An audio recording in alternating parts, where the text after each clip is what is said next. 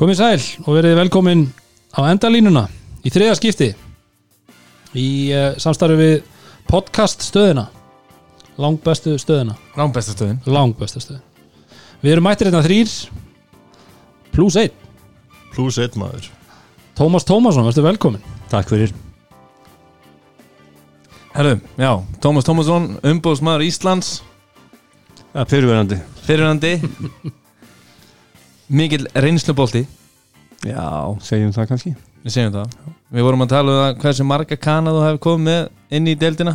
Ertu með tölu á þessu? Nei, ég er nú ekki með töl á því. Alltaf, Ég veit ekki alltaf sé ekki eitthvað svona. 200-300, ég veit ekki. 200-300 En Amerikanar Þetta er náttúrulega yfir langt tíðanbill Já. 25 ár. Ef þú myndir velja bersta og versta leikmann sem hefur komið þér? Ég myndi aldrei geta gert það. Mm, Það er nokkur eftirminnilegi Tómas Já, Calvin Davis kannski einn af þeim bestu náttúrulega. Kannski Derek Allen hefur kannski náð lengst sem ég hef komið með. Og Damon náttúrulega. Og tölum um Stevie Johnson hann, hann er góður leikmaður, Edmund Sontes mikið af. Moy. virkilega góðum powerförutum sérstaklega. Já. Það eru, ég meina það eru margir, Amin Stevens held ég að sé svona með betur líka leikmannum Já. Svo eru sömur sem voru kannski stóðu sér ekki alveg eins og Nei, það, ég er nú að reyna að muna eftir þeim. Að mann þá svona yfirlega síður ef við vorum að tala um Fred Burley á það. Fyrir Börli, hann var hann var átti svona skemmtilega einkomu en stutta. Hann var einnig hvað, 5-6 daga? Já, hann var í fimm daga og var veikur í fjóra held ég. En engi verið glaðari samt sem við komið þetta og spenntari fyrir að vera á Íslandi og vildi gera fimm ára samning eftir bara fimm mínúndur Já. Það var stert, stert að byrja þannig. það var gott. Fallet í kringu flugstöðuna þannig að það er heilla Jú, strax. jú, það Þetta heiðin er, þetta er mjög heillandi svæði Þetta er mjög svona Já, landslæðið, landslæði fallet lílegt En fyrir þeir sem svona búin að koma með svona mikið af útlendingum inn í deildina nú undarfærin nokkur ár, þetta er búin að vera mikið fram og tilbaka með reglur meðlenda leikmenn, 4 pluss 1, 3 pluss 2 hver er svona þín skoðun á þessu? ég held sko þetta skiptist eða svona í tventi eða hjá mér. Ég held bara fyrir deildunar er fjóru pluss eitt sennilega betri. Það er sennilega ódýrar að deildan, deildunar, ég held að það séu erfitt fyrir þær. Já, það er góð punktur. En hins vegar á móti kemur að það verður all liðin keppnisæmi núna. Ef þú ert með þrjá góða útlendinga að þá ertu bara með gott lið. Þú þarft svo lítið til að fylla upp í þannig að ég held að allir leiki verða spennandi völdur ég hef trú á því. Deildin getur, já, ég er sammála því. Hún verður skemmtilegri fyrir vikið. Potjett. það eru fleiri betri leikmenn. Já. en alltaf kostnaðurinn svakalur. Kostnaðurinn verður allt og mikið held ég það er að líða á. Já, það þarf ekki nema eitt smá gengisfall og krónan pompa eitthvað þá getum við endað bara í sama fara á 2007 þegar öllum samningu var sagt, sagt upp við erlenda leikmenn þetta er einmitt í kauruboltanum þetta er öðruvísi heldur en í fótboltanum. Það er eiginlega engin gulrót. Nei. að þú eigðir ekki peningum og farið eitthvað tilbaka þú að þú ert í ert í Íslandsmeistari eða byggameistari og, og getur farið í Európa-kefni Európa-kefni kostar þá bara ennþá meiri peninga. Já, þannig að þetta er svona ég, ég horfi ofta á þetta af hverju er verið að eyða svona rosalega miklum peningum bara fyrir heiðurinn? Ég hugsa að það verið fá fótboll að eyða jafn mikið peningum og þeir verið að eyða ef það verið ekkit engin Meni. það er alveg góða punktur En uh, hérna, við ætlum að halda áfram að tala um aðeins um kannana Ég er mjög spenntur fyrir ein, einni spurningu sem ég hef búin að hérna Hvað er svona eftirminnilegsta símtalið sem þú fengið frá bandarísku leikmanni sem er komið til landsins? já, já. þetta er góð spurning ég mann bara ekki eftir því það var ekki sérstaklega eftir með þessi símtöl Ég man á eftir einum í keflag sem að hérna ringdi alltaf í liðsfélag okkar og, og hérna og baða hann um að panta fyrir pítsu. Já, var svolítið gott. Jason Smith. Hann hringdi nú, jú, hann, jú, jú hann hringdi stórt líman þegar, þegar hann var heima þegar hann var komin til Íslands. Og þá var hann aðalega áhyggjur út af veðrinu. Og einhvern tíma þá var hann búin að hérna læsa öllu heima sér, hann bjóði ykkur stöður upp á heiðapóli sem er svona rógraskat og það var búið að snjó og það, hann sá ekki út um gluggana. Hann hafði miklar áhyggjur af því að það væru, væru íspilni fyrir utan og ég þurfti að telja hann trúum það að það væri nú sennilega ekki íspilnir en, en ef hann myndi heyra háan hvert þá gæti það verið íspil og svo sæði hann mér að setna sko, hann var komin út í rúm hann var svo hrættur Þetta er náttúrulega mikið af snillingum sem hafa komið hérna. Já, já, þetta er náttúrulega bara þetta er náttúrulega ungir, eða þú veist, oft er þetta bara svona ungir gaurar sem hafa ekki farið út fyrir bæinn sinn. Já, koma til Íslands, þetta þú getur ímyndað þú veist, við erum að para eitthvað til bara típet eða eitthvað sko, fyrir okkur. Þetta er eitthvað algjörlega nýtt alveg bóttið Ég hafa líka eitt hérna Mike Matthews ég mann eftir því að hann sagði að hann hefði aldrei séð sjóin á þér. Já, haldið því. Ég meina þú byrði í Utah, Salt Lake City eða eitthvað En finnst þér núna eins og við tölum um breytingarnir í deildinni það er orðin fleiri erlendi leikmenn núna og við erum fannir að horfa lið sem er jafnvel með fjóra já, mér finnst það mi- of mikið. En hvað finnst þér, finnst þér eru, eru þjálfara núna að leita öðruvísi leikmennum en þau voru að gera kannski uh, fyrir 20 ára síðan? Ég, bara þú komið svona margar leikmenn komið þrjá fjóru leikmenn, þá náttúrulega getur ekki verið að taka bara í eina stöðu. Þú ert að taka þá bara í flesta stöður. Og þú sé, maður sér það núna sko, það eru kannski tveir stórir og einn bakkar sem fylgir með á liðan sem eru með þrjá. En hérna áður þá voru þetta bara stórir við erum alltaf eigum ógeðslega mikið magna góðum bakkurðum Já, og bara við horfum á landslið okkar og kannski þú veist tíu gaurar sem eru næstið að komast inn í landslið þetta er allt bakkarar. En minna, þeir hafa margir verið með svona pælingar að vera bara þú veist á sínu tíma voru þeir að spá mikið því að vera bara með stóra kana. Þú veist það var bara, þú verður að vera með kana sem var 6.5 og yfir eða 1.95 og upp. Það finnst mér alveg svona valið pælingar út með eitt kana. Þú kom með fjóra útlendinga eða þrjá þá getur ekki verið að setja eitthvað svoleiðis. Umræðin er bara alltaf umræðin breytist svo sjaldan og við tölum alltaf um út af því að fjöl, fjölmiðla umræðan um körubólta er alltaf að herða þessi skoraði 20 stig, þessi var með svona mörg stig og svo út af því að það er erlend nafn og svo kannski bara 8 stig, það eru hann getur ekki neitt burtu með hann heim. En er þetta ekki kannski að liðin eru kannski líka fann að sækja svolítið þessa leikmenn út af þeir þurfa að fylla öðruvís ígildi ekki bara gæðan sem á að fá boltan og skora þegar og þú, maður sér þetta náttúrulega bara best eins og Káur Káur er náttúrulega búið að vera langt best manna liði í langan tíma þeir hafa verið með kana sem voru bara ekkit góðtúkur þeirra bara í flest ár yfirleitt hefur það ekki verið kanin í Káur sem hefur verið að bera upp liðin sem þú veist síðustu kannski 6-7 ár Já, og jafnvel þegar ég, man, ég spila á móti þeim hann 2009 og Jason Dorriso var Já. góður en, en enga veginn í einhverju kanni sem var svona að bera upp hinliðin sko. Frábær leikmann, hann hefur örgulega verið stórstjarn í öllum hinn liðunum. Já, en, hann þurfti ekki þarna þurfti hann bara ekkert að gera. En hafa með Jón alltaf upp á sitt besta og Koppa, Helga Mag þú veist, allt gauðra þávund hvað 27-8 ára bara í í sviðsljósinu. Mm hann, þannig að hann þurfti bara að slaka á bara og hylgjast með. En hvernig er svona breytingin fyrir svona þinn starfsvettvang og áður og kannski hættir að koma með leikmenn til Íslands hvers, hvernig var breytingin frá því að vera koma með leikmenn hérna 90 okkar og svo kannski komin í 2010 plus? En alltaf breytingin er bara internetið. Hérna áður þá lámaður í einhverjum korfbóltablöðum sko. Las Blue Ribbon til dæmi sem er svona álíka þygt og símaskráin. Og maður átti alla árganga bara frá 1900 þegar ég held að byrja að gera þetta 1984 og maður átti það alveg til 2000 og eitthvað þá var maður að lesa allt þar og ringjandi og það var bara miklu dýrara Já, tímafrekara.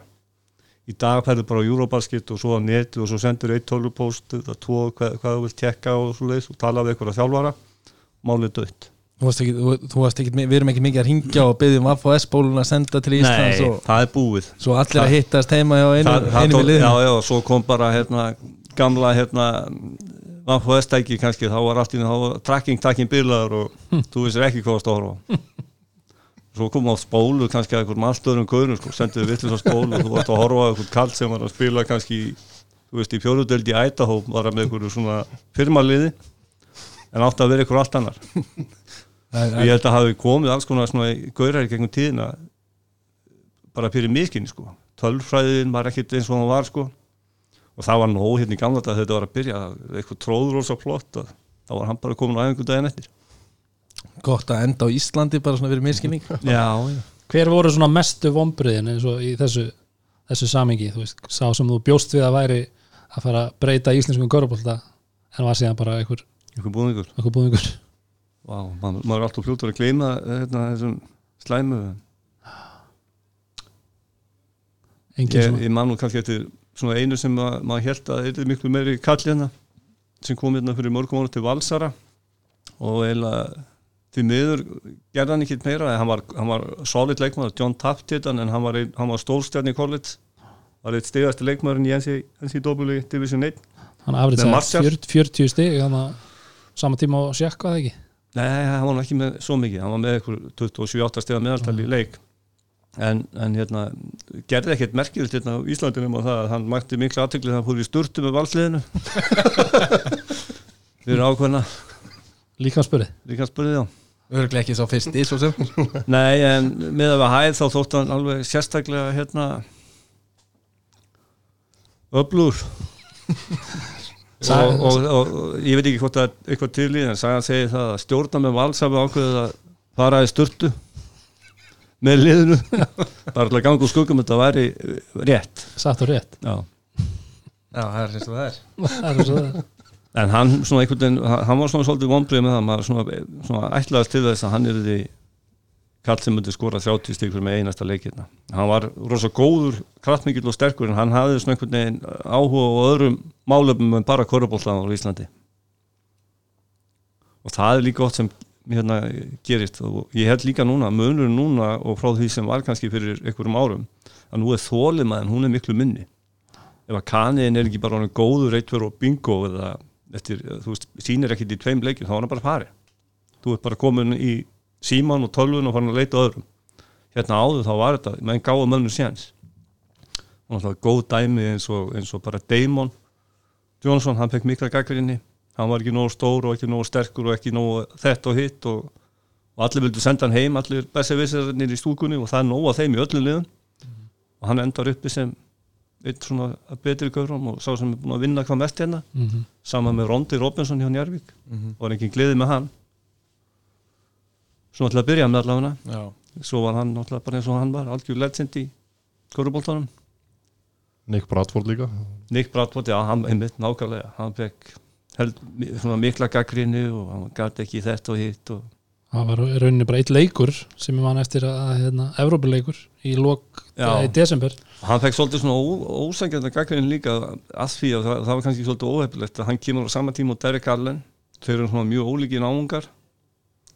Og Derek Allen kom fyrir helmingi minni pening. Hann kom alltaf með úr miklu minni skóla og miklu minna nafn og allt svo leiðis svo var hann bara að standa sig miklu betur þá fórum menn svona að sitta svona þeir þessir að erum að borga þessu miklu meira og en, en hérna ég man, ég fór á eitt leik hérna á Nick Bradford, ég held að vera út í Grindavík og keflaði tapa og ég sem njarvíking, ég sagði vonandi halda þér sem gæja, hann getur ekki raskat sko. Já, já, hann, var, hann byrjaði ekkert vel, var svona frekar svona kraftlaus allur og, og soft, ekki í neinu formi. Mm og svona tókið sér svona temmilega alvarlega en svona þegar fór svona að líða aðeins á og þá fór hann svona aðeins að hann svona bætti við sig. Og ég held að það sé svolítið ég, ég allavega hef alltaf verið þannig að ég er eiginlega hrættari við svona leikmið sem einhvern veginn sín og öll trompu sín bara strax í fyrstu leikjunum. Koma hérna í uppbytunarmótonum og kannski fyrstu leikjum með deildin og eru bara að pakka öllu ég er maður oft hrættari við þá. Mm. Já. staðan fyrir og, hérna sígand að bæta sig ég hef einhvern veginn alltaf, mann hefur alltaf liðið betur með sluðis nága Já. Þetta er valið punktur Herðu, uh, eigum við að vaða í fyrstu umferð? Það ekki. í úrvalstelt Karla.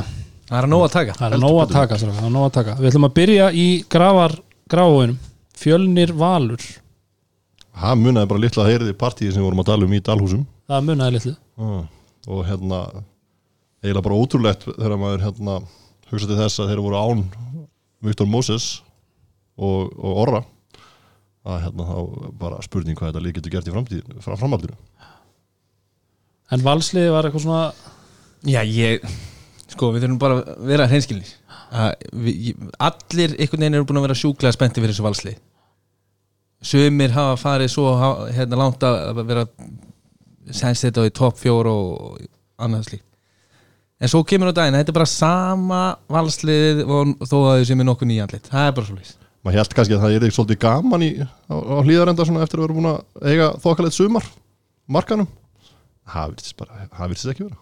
Nei, veist, við, getum alveg talað um það jú, það breytir mögulega aðeins hérna einbendingunni að sjá að Viktor Moses er ekki með og, og annað slíkt en ef að þú ætlar að láta taka alvarlega þá bara mætur þú þarna í fyrsta leik og bara jarðar þetta fjölnislið það sé eitthvað svolítið líkitt búndur í að þetta er fyrsti leikur. Þú þarf að láta taka alvarlega í honum.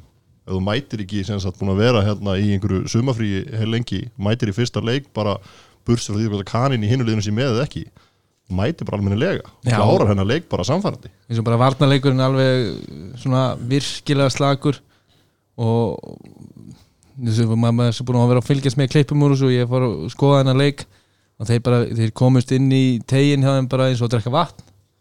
Þannig að mér finnst þetta bara, heppni að það er unnu en sko null, ég er alveg null impressed. Það er ekkert sem að ég er núna spenntur með valsarana, þeir þurfa að sanna sig algjörlega upp á nýtt, það er ekki nóg að vera komið með Frank Booker, það er ekki nóg að vera komið með uh, Pavel veist, ég eiginlega bara Guð hjálpiði með að vera að spila hánum í 39 mínútur alla, alla vetur en þetta var einhvern veginn, að ég veit ekki ég, ég bjóst við svo miklu en svo var þetta bara vonbrið Kanin hjá Val 31 stygg ja, hann, hann eini, að- eini sem að klárlega góðu körfuboltamaður s- mikla sprengju og kemst upp á körfunni hittir ekki einu þryggjastæðskoti í þessu leik en er samt með yfir 30 stig.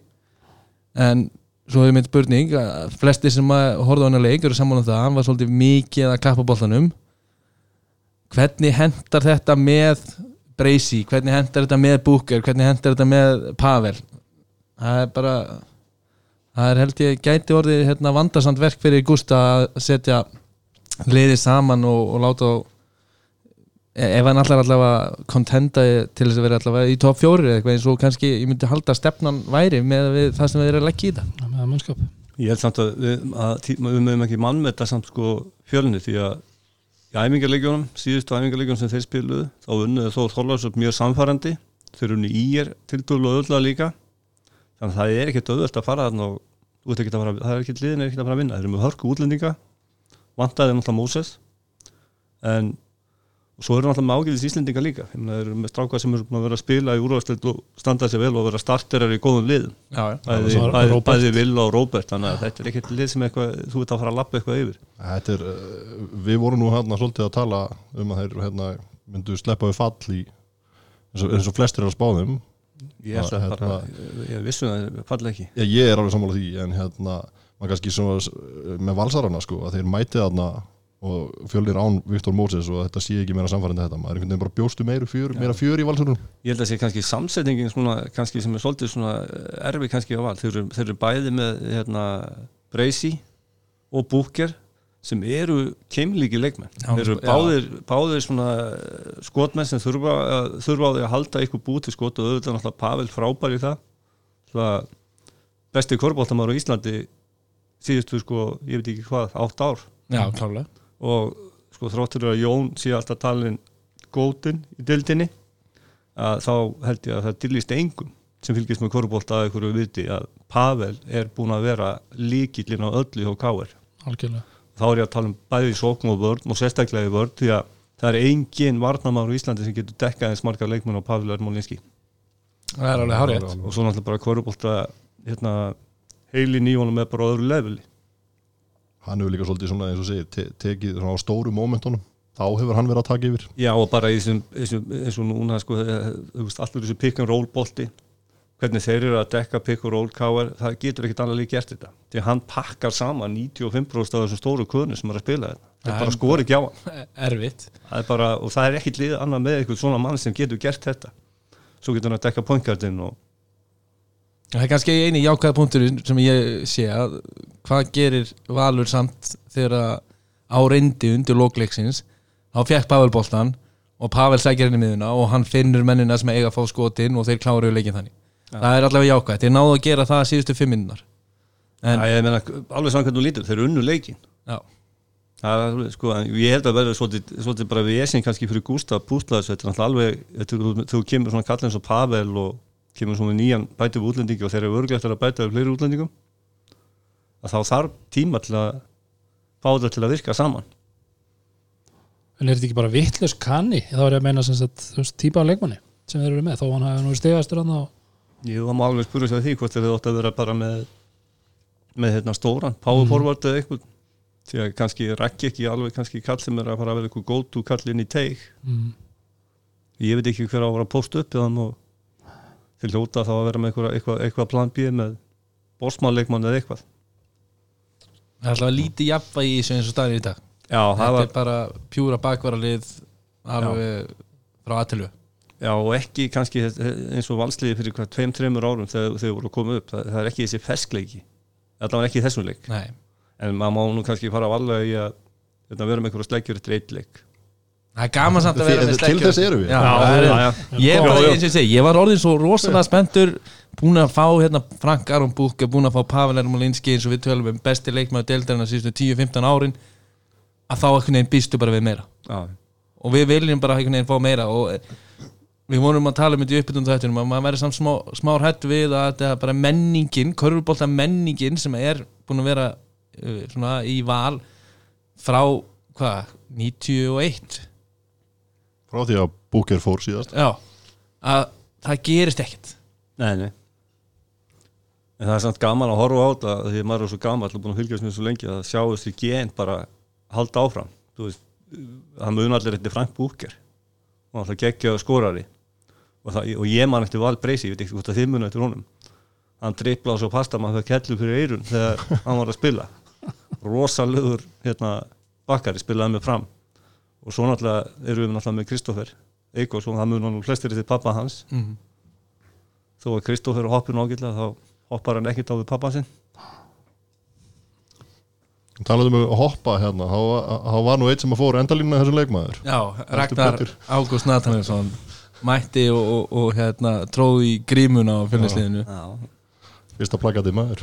Hann hefur nú oft verið á hinum endanum á plakatinu líka það er er staðrind það er staðrind ég var ánæður reynda með gæjan sem að tróði yfir. Hann mætti svo í setna á leik og, og, og Já, og svaraði. svaraði, svaraði vel fyrir stík svo á að gera þetta. En til að takla fjölnislegi líka þá hérna eins og, eins og við tölum um að við höfum trúið að þeir séu ekki að falla beint niður aftur. Og, og Robert var bara flottur í svona leik. Teddy með solid leik framan af. Það kannski svona dalaði aðeins svona þegar liða fór á setna áleikin en ég held að þetta fjölnislegi er bara til alls líklegt. Algjörlega. Samála því. Til alls líka já. Uh, næsti leikur Ír Njarvík Rúnar, Já. þínir menn. Mínir menn, þeir tóku skildu sigur tók skildi sigur alveg sama eins og ég segi með valsarana þá var þetta ekki, þetta var ekki hérna, kannski flugöldasýning og, og það er hérna mikil vinna eftir í njárvíkonum ef að þeir ætla að blanda sér í titilbártu það er hérna, það er alveg klárt. En, en það sem ég er kannski ánæður að sjá að, að Kristinn Pálsson á flottan leik og, og, og Wayne Martin hann, hérna, hann átti flottan leik líka með rosa góða skotendingu fyrir tvísar á vítalínuna Já, það er ekki bara eðlilegt að stóru sterkur maður, þá fær hann minna villum. Það er það er var einmitt góð- það sem ég hugsaði. Já. Góð- góður punktur, við vorum með ég var einmitt að tala um þetta daginn að þetta er sannlega eina deild í heiminu þar sem bakverði taka flest víti, Ísland. Það sýnir sér bara sko hérna, til dæmis með Elvar.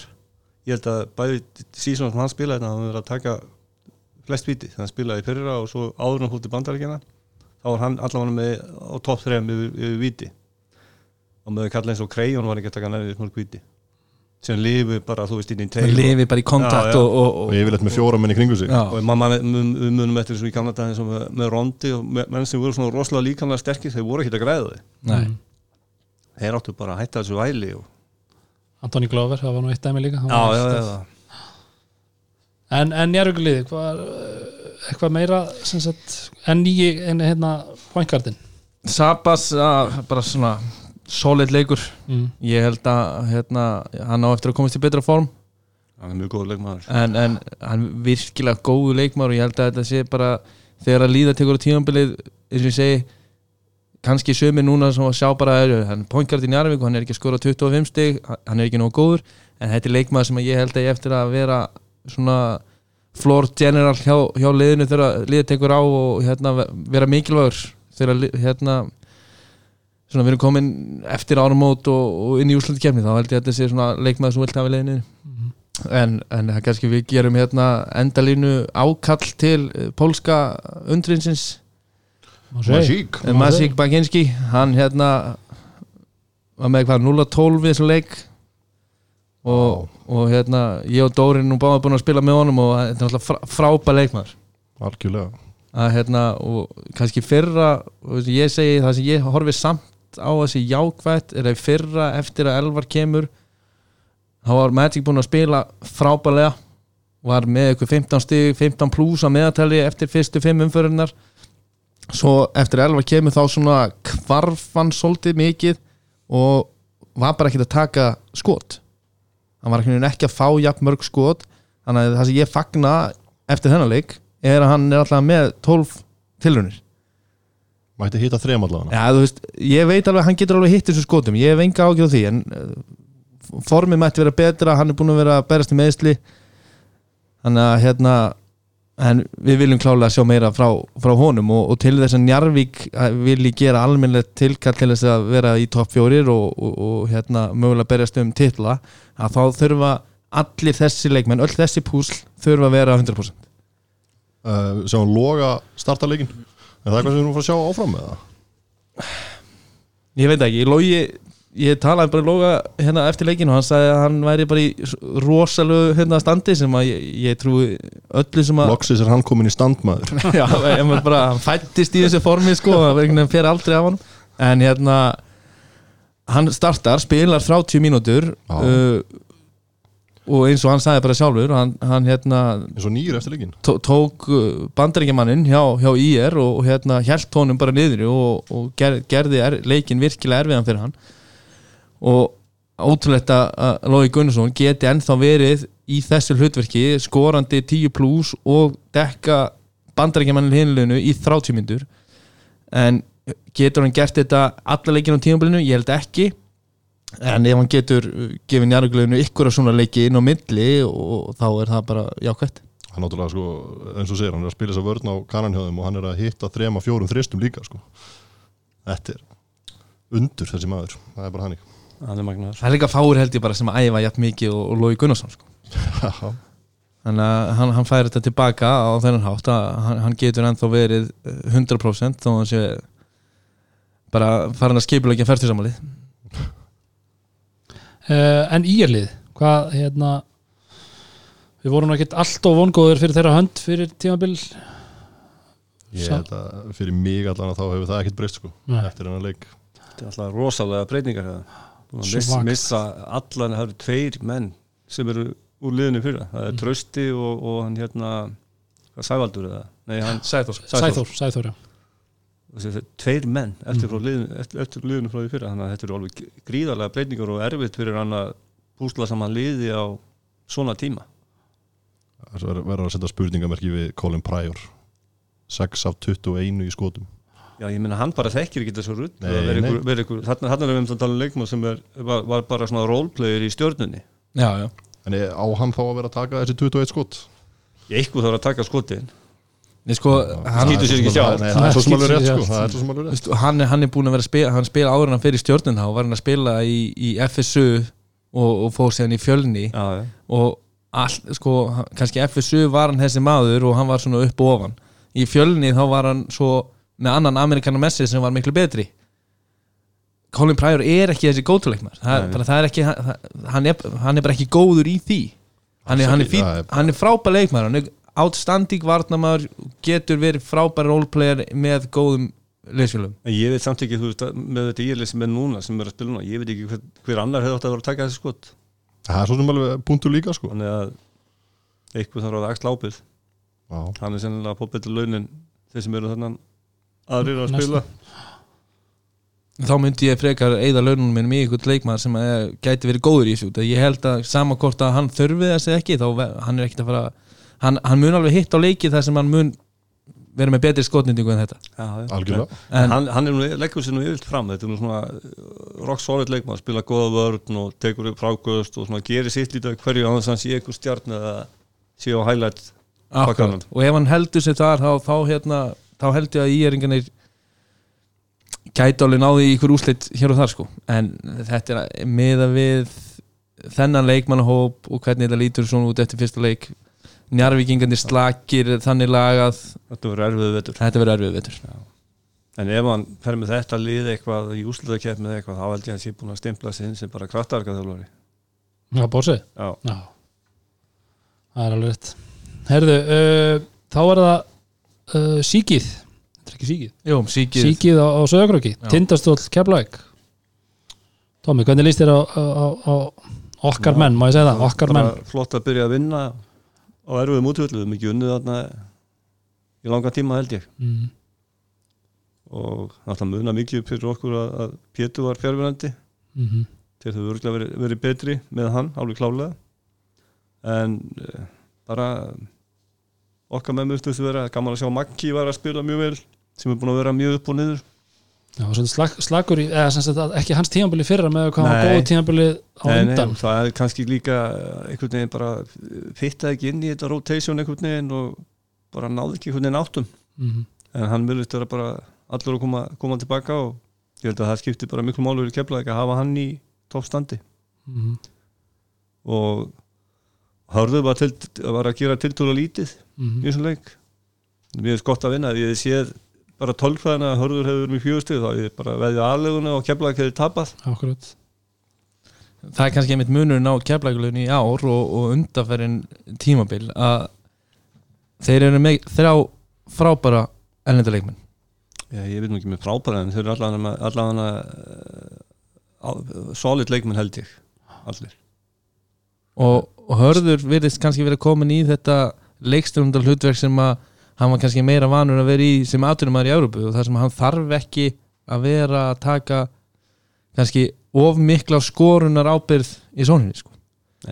en getur hann skora 20 stig í hvaða umferð sem er, já, hann getur það alveg við vitum það, við hefum séð það ofta áður en ég hugsa að þetta hendi honum ágætlega að, að hérna, ve- vera með allavega svona hæfileika með sér og, og, Mhm. og sóknarpáir að hann, að, eins og við sjáum að þeir fara í síkið, ná í sigur og hann með fjögustig, ég held að við höfum ekki séð þetta í fyrra sko. Samanlega, ég, ég líka, líka að hendi liðinu ef að hörður er ekki að reyna of mikið fyrir sjálfan sig. Ég held Já. að bara liði verið betra í kringum hann. Ef að Mhm. hann er að láta aðra njóta góðs að því sem hann er að gera. Keira upp á korfu og henda boltanum á okkur sem er opinn og eitthvað sluðis í staðan fyrir að hann sé að leita að einhverjum sé einhverjum stegum sko. Ég held líka bara að hann sé konar þann aldur að hann þarf ekkert að vera að einhvern skorara Ég hef alltaf fengið á tilfinningu allavega þegar ég tala við Hössa að þetta er svona honum langar meira að vera þessi leikstjóndi heldur en til dæmis þessi kannski ekta típa af amerískun leikstjóndi sem kemur hérna og er með 20-25 skoti leik sko. já, já. þannig að þetta er bara keflaði með virkilega sterkan sigur það verður ekki annað að segja það líka, hörður er líka þannig að náttúrulega, veist, hans náttúrulega einhvern veginn hans aðal svona upplæð finnst mér alltaf að vera á vörnin. Hann spila náttúrulega rosalega aggressífa vörn á mannin sem hann dekkar. Og ég, manni, manni finnst oft svona kannski það verður, verður kannski smá útundan í sókninni á móti. Það er erfitt að spila á báðum helmingum. Já. sérstaklega þetta að koma upp með boltan sko, og þú ert að búa þetta til sjálfur sko. það er kannski svona breytingi sem hefur verið á deildinni kannski svona í setna ára það er miklu meira áhersla lögð á vörnina en var fyrir, ég veit ekki, fyrir 20 árum Mm. það var ekki þessi. Þetta segja semst að við höfum ekkert spilað vörn. Ég ekki, kannski, það var kannski bara áherslan. Jú, jú, það verið spil ágætis vörn en það var kannski ekki lög svona rófur áhersla að vera að pressa boltamanni svona eins og við verið að gera í dag og er þetta, þetta er heldur það sem líka eftir meira sem að íslensku landsliðin eru að fara og keppa að, að Já. við erum alltaf að reyka okkur á það. Við erum bara hansi slakir varnamenn einn og einn sko, all, flestir íslendingar. Það eru, það eru einn og einn sem eru góðir en svona miða við aðra þjóðir þá er einn og einn vörnin okkar er bara nokkrum skrifum eftir á. Já, já. Hérna, En, en tindastól? Já, hvað, hvað, ég veit það ekki. Hvað er á að byrja? Ég hérna Sko þetta liði náttúrulega er sko það er klárt mál að Pétur er eins og við tölum um síðast að Pétur er líkillin í þessu liði það er alveg hrein það er klárt. Það er alveg klárt. Þannig að án hans það náttúrulega kannski er svolítið svolítið svona erfitt að dæma þá. Já, þetta er, ég held að sé líka sko að byrja tímabilið með fjóran í útlendinga og án Péturs það er risa stort hefði þetta verið eftir 6 umfyrir hann hefði dott út í tvo leiki þá held ég þetta væri jafnvel betra. Mm. hann, hann, hann bara í, í, með nýja leikmenn þá skiptir það svo miklu máli að vera með leikstóndan og hérna er maður rakka augunni það að það eru 11 íslensk stig í leiknum Já, það var svolítið, það var dagsvolítið að sjá það voru, þeir voru lítið að gera heimamöðunir sem, og sa- samt reynslu miklu menn hann margir sem voru að spila. Það eru samt hérna sko þessi reynslumenn eins og Axel er með þrjú og svo er Viðar. Helgi með þessi átta. Já, viðar eru að spila, ég meina þetta, ég meina, þetta eru hörku leikmenn. Já, algjörlega. Við erum að spila 25 mínútur um 0 stig Hannes spila bara 4 mínútur. Já, og, og þrátt fyrir að það vanti púsl í bakvarðasettina sko. Þrátt fyrir að Pétur sé ekki að spila að þá er Hannes engungu með 4 mínútur. Já, það er spurning hvort að þetta sé stefna hjá Baldri að spila bara á færri mönnum.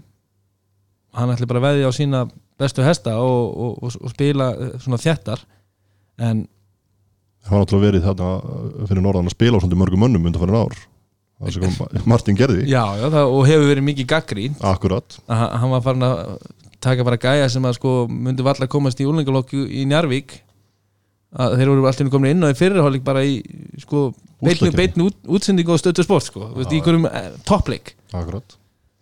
Þannig að hérna þetta er önnur taktík.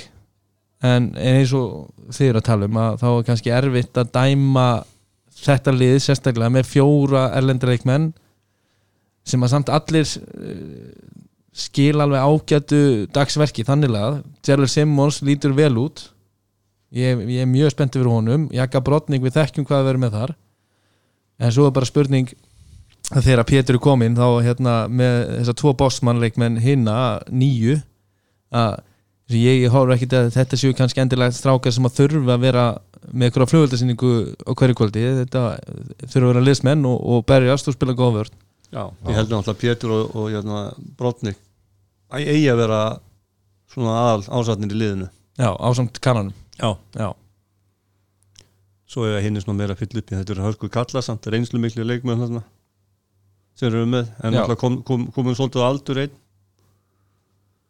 Kannski ekki að fara að stinga neitt af í sóknina og og segja að Pe- Perkovic hérna, hann, hann, hann er að spila 27 mínútur og hann er með fína skotningu 4 7, 2 5 þryggja þannig að þú veist, ég hugsa að þetta lið þeirra svona fyrir að líða tekur á að hérna þetta er náttúrulega hörku mannskapur.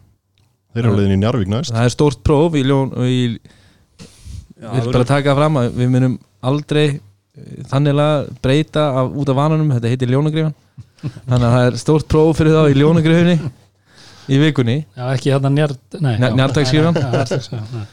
það má standa í morgunblæðinu fyrir mér sko en ég hugsa ég er ekki oft eftir að nota það í svona daglegu tali það í kassan það er því hrikast ef þeir myndu tapa þeim leik tindast og það er þeim eitthvað svona ekki gott í þær spár sem þeir hafa þeir lenda, allt í því að vera með tvo tapaða leiki í upphæði Mm. það er erfitt fyrir Baldur líka því hann er nýr þarna og það er ekki í svona jafnri dild eins og þetta virðist alltaf vera verður svona pínu leiðindi þegar hann fór yfir frá Þór yfir í, í tindastól. Já, akkurat. En hefur Tommi, við ætlum svona aðeins að hérna, fá, svona, að, hérna, ræða um um svona gamla tíma eða gamla tíma, ekkit alltaf gamla. Uh, er svarkvítu í svarkviti það er hérna hvenar, hvenar svona, hvenar byrjaðir þú svona afskiptum af þessum svona könum eða, eða þessi? Við, var, var þetta alveg 84 eða? nei, það er ekki, alveg svo svarkvít og 94, þá held ég komin fyrsta kanan til landsins. Já, og fór, fór til bandaríkjan og sá hann spila.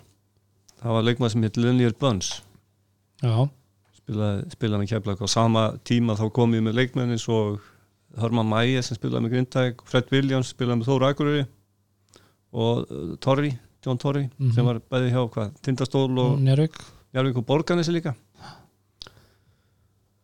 Það voru svona fyrstu fyrstu hérna fyrstu leik, kannan leikmennir Já, en talað um hann uh, Leonard Burns, nú var hann náttúrulega hjá LSU og þú, þú færð hann í rauninni eða sem sagt kíkir á hann þá ertu að þá ertu hérna uh, Dale Brown Já, ég, ég þér- kynntist Dale Brown í gegnum, gegnum hérna, þjálfar sem heit, heit, heitir Art nú dáinn, blessaður.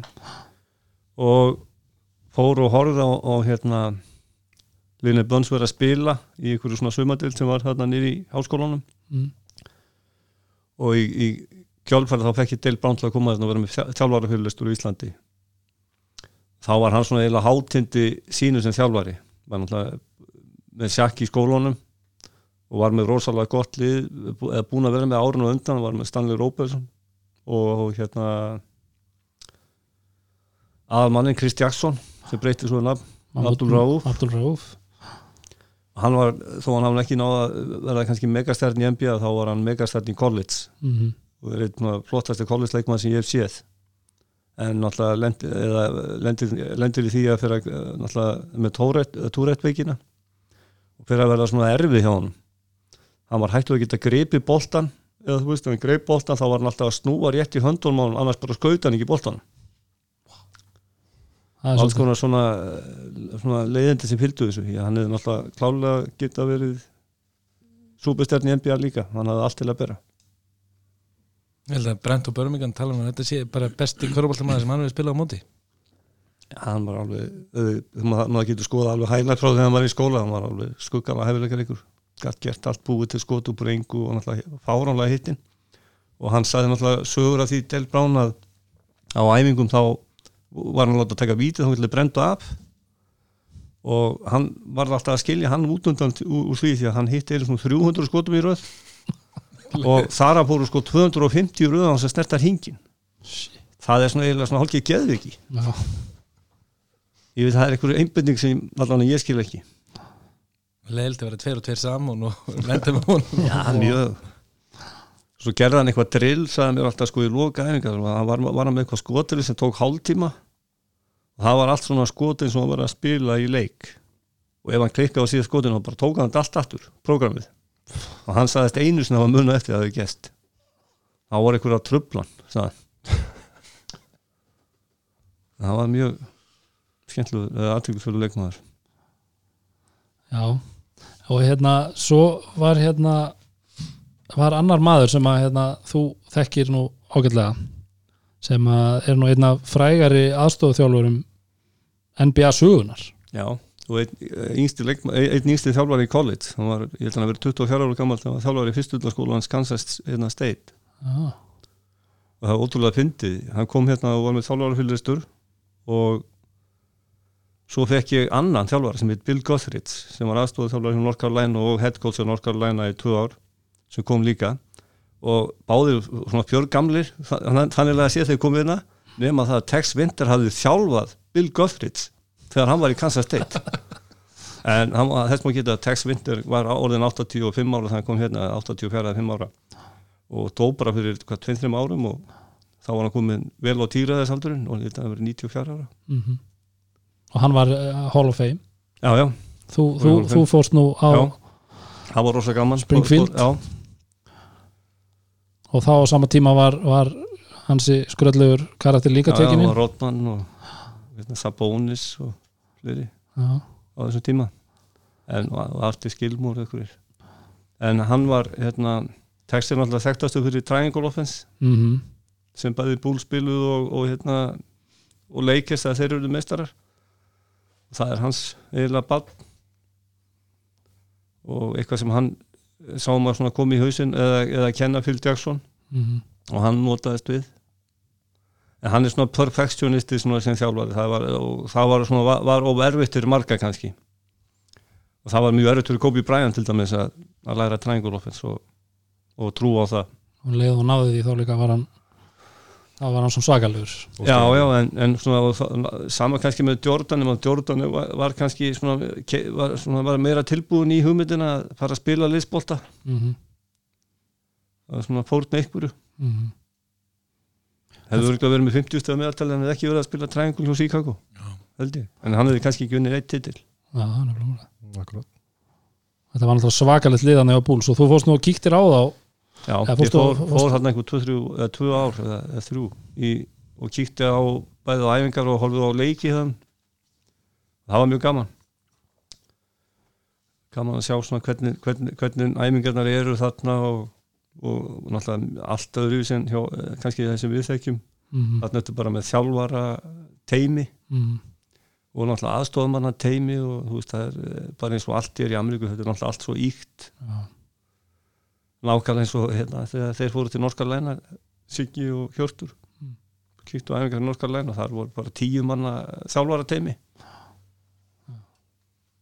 við það ekki bara einum og mikið að vera tveir á æfingum hérna.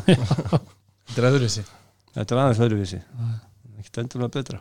En þið, þið gáfu Rottmann var það ekki var það ekki einhverja húi Jó, við, fórum alltaf svo típiskir íslendingar fórum að gefa á okkur einhverju landbúnaðurur lópapeysur og, og hérna og húur það Jordan hefði mikið einhverju lópapeysu sem var ábygglega tveinúðurum og lítil á.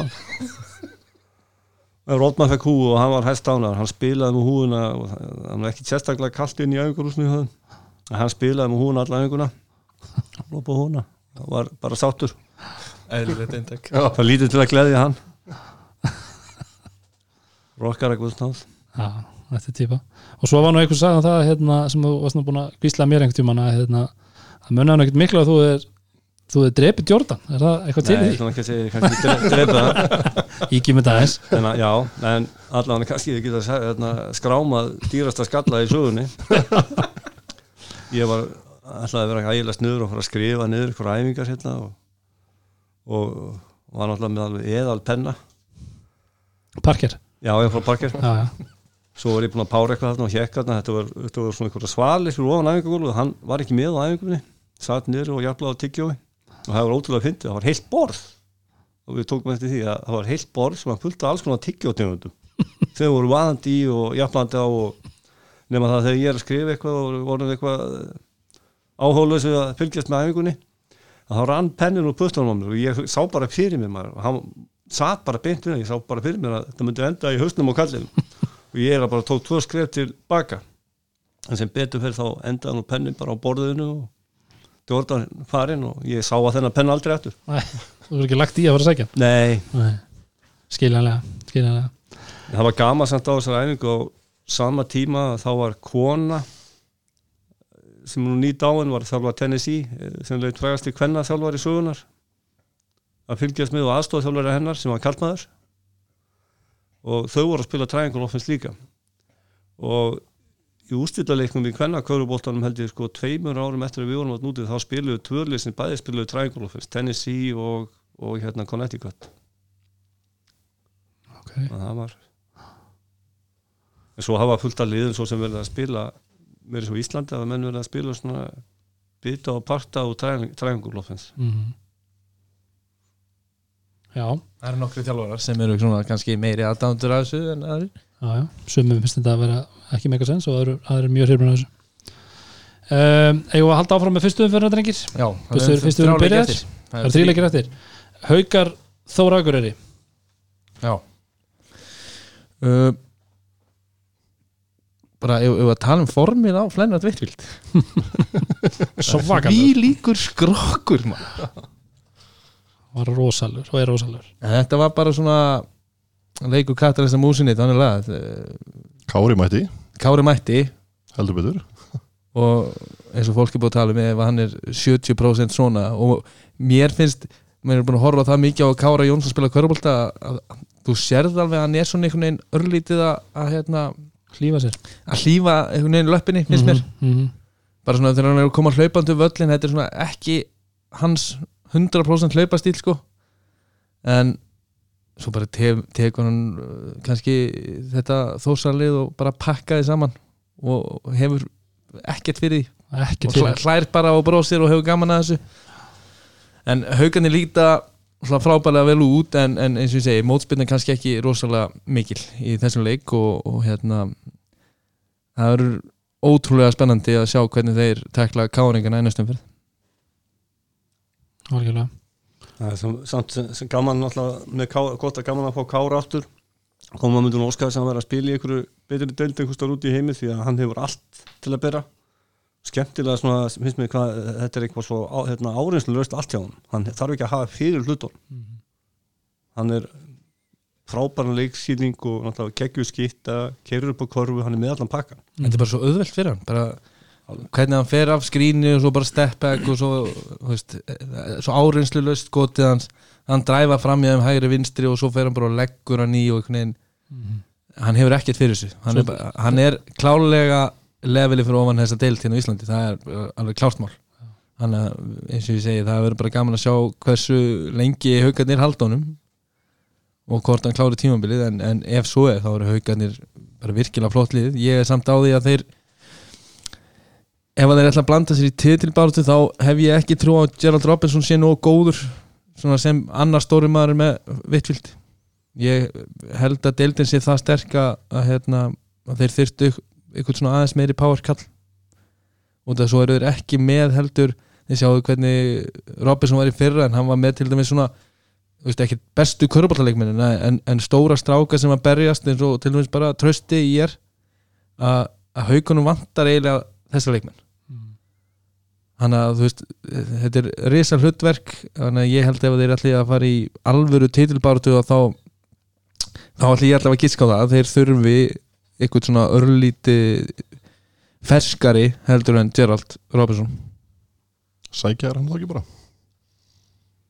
Það er bara ef að hérna spurningum að það er budget í það. það er spurning hvort honum verið skipt út það er, Já, en eins og segi það, það er náttúrulega er leikur búinn og þeir eru eftir að sjá, sjá kannski betur og Ísrael Martin, hann hefur nú sínt það fyrir norðan að hann er óhrættu við að gera breytingar. En, en hérna þetta haukalið þú veist, lítu eiginlega bara betur út en ég held Já, þeir frábært fimmalið alveg ótrúlega stert fimmalið öruglega ekki mörglið sem matsa fimmalið þeirra. Nei, og þú veist, og ég hugsa að 100 pund þeir þekkja, þeir þekkja sko, í þessum leik voru að spila bara svona, ég fanns í körubólta þetta var, menn voru dræfinni teg og reyna að tróða og þetta var hérna allt rosalega skemmtilegt í svona annars kannski daufum körubóltaleik þannig lagað en, en, en svo einhvern veginn kunna þeir betur en, en margir að, hérna, að drepa leikin bara í svona bara hörku og, og fara bara ljótulegina sko. þeir kunna það líka og, og hérna og með Emil Barja og Hjálmar og, og, og, og Haug og svona stráka sem hafa verið að spila hérna mjög lengi að, að þá er þetta virkilega spennandi lið. Algjörlega. Og hann líka, hann fitt þetta er náttúrulega bara eins og hann hafi verið hann hafi ekkert farið í burtu á kári. Þetta er bara, verður svo að spila saman deginum áður. Síðasta, síðasta leiki deild sko. þetta er, hann fitt hann alveg Já, þeir bara þeir þekkjast það vel, ég er að segja það. Þetta bara halast þarna upp og, og, og, og bara komnir í flottari sal hérna já, ríkilega flottu sal virkilega flott Já, Já, það má eiginlega taka hattin ofan fyrir bara haugum hvað allt er til í kringu körbóttan til sóma hérna mm þetta er ég aðstæða sem að til dæmis söðunisli myndu gjössalega drepa fyrir sko. Já, við erum eiginlega komið tíma á. Já, algjörlega, en, en þetta er bara þetta bara gerist ekki, gerist ekki betra. Akkurat. Ég held líka samt með, eins og með þóslið að þeir, þeir náttúrulega eru ungir og reynslulusir það er mun mæða mikið á Lalla að hann finni útlendinga kannski sem fungera vel þeir þurfa náttúrulega að be- bera upp í lið. Mm Július og ekki að þurfa að bera upp sem gerði það í þessum leik. -hmm. stóð sér alveg ótrúlega vel og ég sá hann spila í næfingarleik hérna á móti kepplæk stóð sér frábæli honum, alveg gríðarlega mikið efni. En hann er, eins og þú segir, hann, hann er ekki gæinn sem að, á að bera þetta uppi. Nei, alls ekki. Hann var, endar, hann var ágættur hann hinn hann pointgardin hjá þeim. Sem sagt, uh, hvað heitir hann aftur? Það var svolítið sest þetta nafni. Hansel, Hansel Star Wars. Star Wars kallinn. Já, hann var, átti, var frábæri Kólumbíu, Kólubímaður, já, já, hann var frábæri hérna móti kepplæk, rosalega hraður, fljótur, Mhm, snöggur sterkur. og getur hitt vel. Góður í kontakt eða svona alveg Já, solid. Hann er líklega upp á leikmaður minn já, í dildinni já, Já, Já, það er svolítið Mér fannst hann, mér fannst hann geggjaður. Ég... það, var það ekki hérna Hansel sem var í hérna, Zoolander það var súlandi Já, maður, ekki Star Wars það er Er það ég held að tengi sér þar með upp á sleikmaður þinn sem Mögulega er hann grimmur í dökkveitsinu líka, hver veit sko. En, saman. hann er, ó, þetta er ég, mér finnst hann ótrúlega skemmtilegur leikmaður. Og, og hann er örum bara klá, ég ætla að giska hann er bara svona top 3 playmaker í deildinni. Mhm. og hann var að fara hérna inn í vörnina hjá haugunum og, og finna lausa menn með flotta sendingar hann getur klára sjálfur, hann getur skotið og leikskilningur eins og hérna sé, leikurinn var hans döfur fyrir utan það að Kári Jónsson var að bara leika sér. Mm -hmm. en, en ég stóð upp og, og, og hérna, öskra á sjálfum mitt þegar hann fekk hann í raflöpunu og, og hann var þremur skrefum á undan haugaliðinu og sett hann gólsendingu aftur fyrir baki og lagði hann upp fyrir hérna leysfélagan þetta er virkilega vel gert og hérna svona leikmenn kann ég að meta kannski eina svona sem maður sér við hann að hann var varnarlega hann kannski svolítið spurningamerkið því hann er alltaf lítill og, og, og svoleiðis. Mhm. ekkert kannski erfitt að skjóta yfir hann fyrir góða bakverði sem eru háasnir já. En þetta þósarlið þetta er, já, þetta verður langur vetur. Já, ég er mikla trú á Lalla. Lárus, að Lárus segi eftir, eftir að pluma sem þetta lið. Lárus er flottu þjálfari. Mjög. En, en, en ég held að verkefnið sé bara of stórt. Július frábær og, og hérna ungu leikmar 18 ára gamall og, og hann mun græða klálega mikið á þessu tímabili. En kanin, ég var ekki seldur á kanan og hinn er hérna spánverinn svona, þú veist þetta eru svona allt í lagi leikmenn. En, en, en þeir þurfa bara miklu meira og, og ég bara fer enn og aftur, ég held að það þurfi bara að fara að skoða þess hérna svona skipulagið og, og, og hugmyndafræðina þarna á Akureyri. Að fara upp þegar þú ert búin að búa til eitthvað meira heldur en, en, en, en bara þú veist, einhverja átjánóra og svo út af því að af hverju eru þeir ekki betri? Hvað, fjóra erlenda leikmenn? Og budgeti greinlega ekki það stórt Það heyrist alveg greinilega í sumar að Það var ekki. Það er eins og ég segi, svo komaður um mitt sumar og það er enginn til þess að vinna fyrir deildina eða hvað sem það er og, og bara spurning hvort að liði verið sendt til leiks. Þeir eru greinilega að versla kannski, myndi ég segja ódýrari erlenda leikmenn heldur en mörg önnulið og þá sýnir það bara svo gæðan. Eittu meiri tími að byggja upp þetta lið í fyrstu deildinni, þeir eru með flotta unga stráka sem hafa verið í yngri landsliðum ekki bara Július, það er með Baldur þarna sem var til og með 7-16 og fleiri stráka reyndu að fá stráka til að koma norður og fá reynslu og hætti að eða peningum í svona þú veist, lalalikmenn út af því að hvað gerist, það er ekkert annað heldur en veist, það er ekkert sem að teku við. En við erum bara að vera svona sagan svona með allan okkur íslensku stráka þeir eru ekkit óbúslega duglegir að fara út fyrir 101 reykjavík sko. Það er góð punktur. Og það er bara, þú sér bara eins og hvernig þetta var á Ísafjörð á síðan tíma, það gekk ekkit að fá Íslendingar til að fara þarna eða á, eða á krókin ég meina þeir þurft að það þurft að hérna, opna fyrir allar flóðgáttur hvað peninga var það til eitthvað að fara á krókin Já. en með allir vinningu fyrir Ísaferiði og, og Sjókróki þá er Akureyri sko allt öðruvísi bæðafæli já, já, já, Ég var og, nú svo rugglar, ég lit blata með hana þú les bataðangað Það en er bara, bara gaman. Er bara við hefum núna atvinnumann hérna sem er farin að spila á Spáni sem að gerði þetta nákvæmlega sama. Ungu strákur haugum sem voru þá bestalega á landinu. Hann ákveður, hörru, ég ætla að fara norður. Skilaði honum bara virkilega miklu. Hann fekk bara stórt hlutverk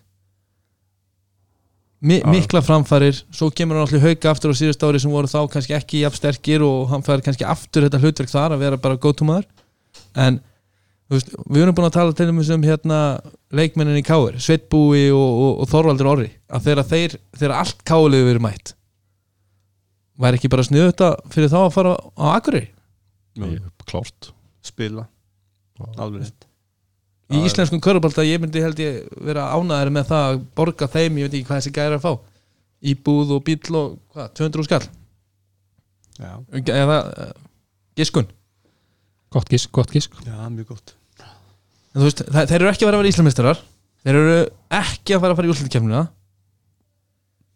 eittu þessum peningum bara í þessa 18 ára káringa og hérna láttu að fara einslu já, Ef það væri hægt, það er bara góða búndur það eru framhaldsskólar á, á hérna Akurey, við vitum það. Já, já, það er bara nöðsel fyrir, fyrir, fyrir þósarinn að vera uppi. Ég meina þetta er stórt svæði og maður vill að sé eitthvað liðan uppi í efstu deild fyrir norðan. Það er bara spurning að þú varst að tala um að hérna í er eftir að græ- græða á þessu tímanbili En eru hinir að fara að gera það? Hinir ungustákundir í þessu liði sem er ekki eins samfærandi mögulega eru þeir bara ekki nógu góðir Ég er að sko. segja það Já, sko, það, það er, er ekki nú góður ennþá Þú veist, eru þeir þá að fara að græða eitthvað á þessu? það er alveg góð punktur. En eins og ég segi, það er af hverju ekki, ég veit ekki mögulega eru búin að reyna að, að sækja að hérna, einhverja unga stráka. En, en, en ég held að þeir eru örglega ekki til dæmis að, að, að gera jafn mikið fyrir þá og þess að svona lala Evropabúa sko. Þú veist, að fá, fá alveg ágættis pening og, og, og, og geta farið í skóla fyrir norðan og, og, og lifa fínu lífi sko. ég myndi halda að það var alveg jafn, hérna, Götubarinn maður, götubarinn. Fara á hatturinn. Græni hatturinn maður. Og Böða Kristjánsson. Og er Kristjánsson. í gildi að hafa hann bara guldsi gildi bara við mælum öllu að fara þangað að vera sem hjá Bötta og spila fyrir þó, það er bara já, besta mál. og jólin allt, allt allt árið Hver, gerist ekki mikið betur? nú bara, nú bara símanir að glóa hjá hérna, bara allir að, að stinga allir að laða. 20 manna hóp eftir, eftir tvær vikur. Herði, við höldum áfram, Þór Þórlásöf stjarnan. Já. Þetta var fyrri leikurinn á, á, á föstudaginn. Hvað hérna, það var heimkoma hjá honum Tomsik Tomsik Já. Hvernig, hvernig fannst ykkur þessi leikur? Það var svona Köflóttur samt að stjarnan einhvern veginn alltaf meira Já, leik. ég sammála því Þetta, e, e, Þú vissir alltaf að stjarnan var að fara að vinna hennar leik uh, Þósarnir samt svona eins og við tölum nú um fyrir leikin að það er erfitt að fara þarna og það er, er alltaf einhvern veginn svo mikil elja í þessu þósarlið sama hverjir eru þarna að þeir gefast ekkit upp þeir komið tilbaka og heldu þessu alltaf svona og þú veist, það var alltaf einhvern veginn von Mm -hmm. Og eitt, tvö skot niður hérna í fjóruleglunda hefði geta breytt öllu. Það fengur svo marga tilhörnir hérna til að það voru kannski 60 undir opinn þristur. Já, þeir voru búin að setja tvo þristir í röð og þá klikka hann. Sem hefði bara gert Já, þetta bara að það hefði gert húsi alveg brjála sko, og þá verður þetta erfitt fyrst sko fyrir stjórnuna. Og það vantaði Það hefði mátt koma meira frá kananum í, í hérna, Þóru og líkonum Bakovits eða? Nei Hvað heitir, Serb, nei hérna nættur jú, Bakovic Já, það hefði mátt koma meira fannst mér frá þeim. Þegar leikunum var svona alveg uh, svona, þeir voru svona við það að gera þetta leik. Þá voru einmitt bara eiginlega Emil, Emil- Emil, og Haldur já, Garðars. sem voru að gera hlutina. Já, og það er náttúrulega frábært fyrir þá að eiga svona góða stráka. Mm -hmm. Það er erfið, góð erfiðu leikur náttúrulega fyrir Emil að spila hann stóð sér alveg frábærlega. Og Haldur náttúrulega búin að vera rosa vaksandi mm -hmm. En ég hef með hvað ég hef uh, þekkt af Friðrik Inga að þá ætlum ég að giska á að Vincent Bailey klári ekki tímabilið. Nei, ég það var ekki, ekki seldur á hann sko eftir hennar leik mér bara Nei, þetta er samt kall sem er búin að spila vel allstað sem hann hefur spilað. Búin að spila í ágætið stöldum og allstað staðis vel þannig að ég ætla nú aðeins að gefa hann smá tíma er alltaf þólumóðum maður. Já, þú læri það Þetta þetta er gamla, já, þetta er gamla að, ég skóla. held að frikki sér að þólumónum líka en það var í þessu. Það er breytti tíma. hann á þetta að gera held í fínt mót með þetta þóslið og gaman, líka, gaman að hafa veit svona af því það er svo mikið á ungum sem er gaman líka, mikið á ungum þjálfurum sem er að núna þjálfaði deildinni. En þó allavega einn og einn svona gaman trefur Old school. Já, það verður að vera. Ég held samt að frikki sé ekki dólskul hann fylgist alveg rosalega vel með Já. öllu sem er að gerast Já. Það var líka eitt sem að, sem að var svolítið að pyrra mig þegar ég horfði á hana leik á föstudaginn. Ég ætla aðeins að fá að koma inn á það. Það var hérna sagt, mér finnst sko umræðan um körubólta með körubólta kvöldi og, og stöðtu sport er að gera mjög góða hluti með þetta. Að hérna það finnst mér að menn eigi að bera virðingu fyrir því starfi. Og, og hérna það var klárt mál hérna fyrir leik að það var það var viðtalið þjálfarana fyrir fyrsta leik og sömu spurningar er rauninni borðnir upp fyrir, fyrir báða. Friðrik Ingi, fagmaður sem hann er svaraði skýrt og greinlega og greina góð svör. Gaf af sér. Ja, algjörlega. En mér fannst stjórnum þjálfarinn eiginlega bara svona sína viðtalinu algjör óveringu og mér finnst það ekki sambúðið okkar fögru deilt hérna í gamla daga þegar við vorum að spila hefði maður, hvað hefði maður gefið fyrir þessa umfjöldun sem er í dag Akkurat. Það er bara, það er valla til upptaka af leikjum sem maður spilaði hérna. Nei, og kannski Bjarni Fel að lýsa þeim.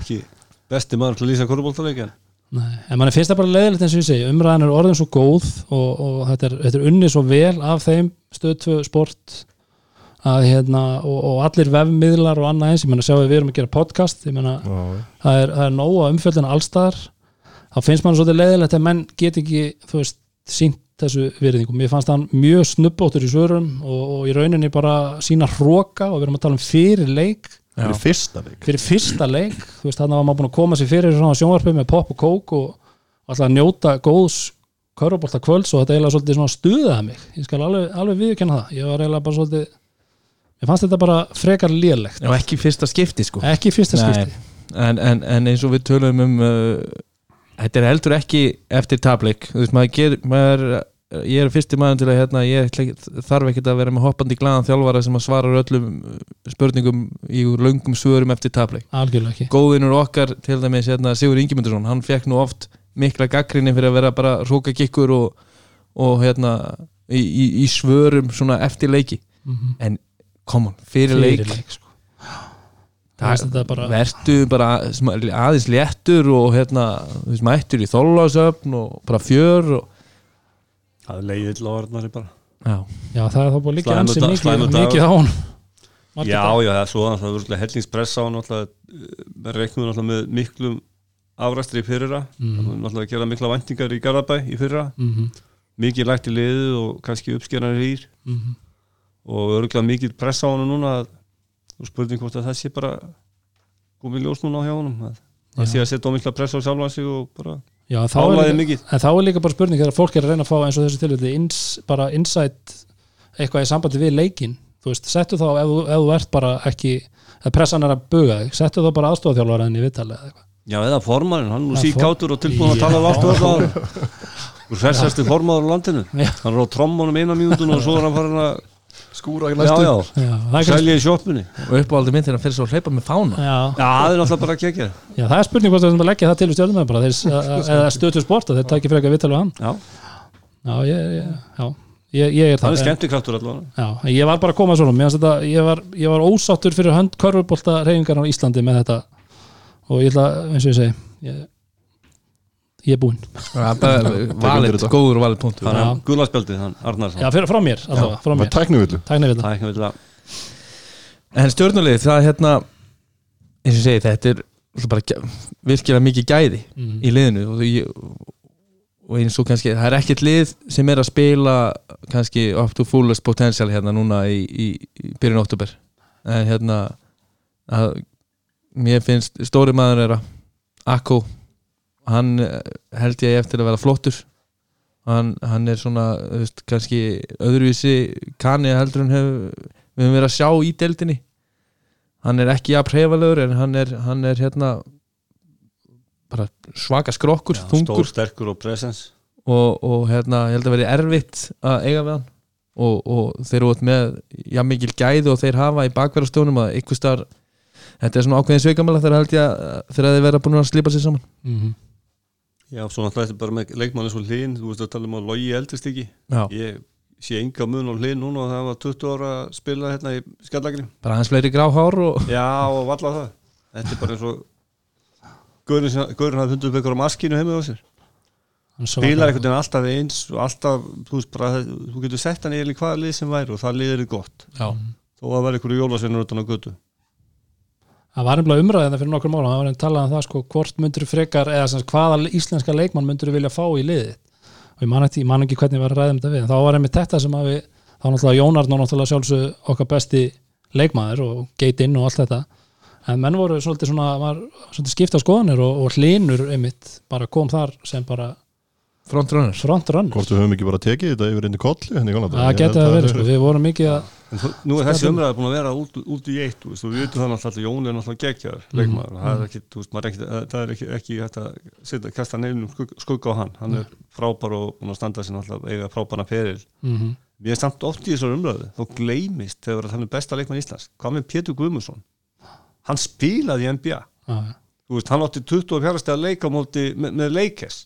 Þú veist, hann átti 24 steg að leika á móti með, með leikes þú veist, hann spilaði átti frábæra collegeferil hann spilaði með nokkur með NBA og hann var að spila mínútur í svona leikjónum mm -hmm.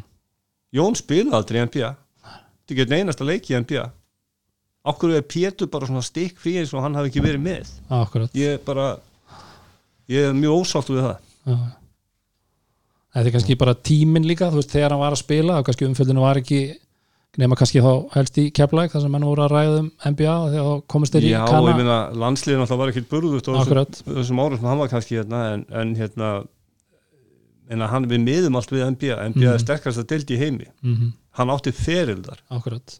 Fyrsti Evropabúin sem fyrir Já, og auðvitað var hann alltaf ekki hann var alltaf hávaxinn og, og náttúrulega kannski en hann var, hann var mjög hæfilegar ykkur leikmaður, Já. frábær sendingamaður góður skotmaður og skotmann mm mjög góður skotmaður náttúrulega bara geggjaði sendingamaður -hmm.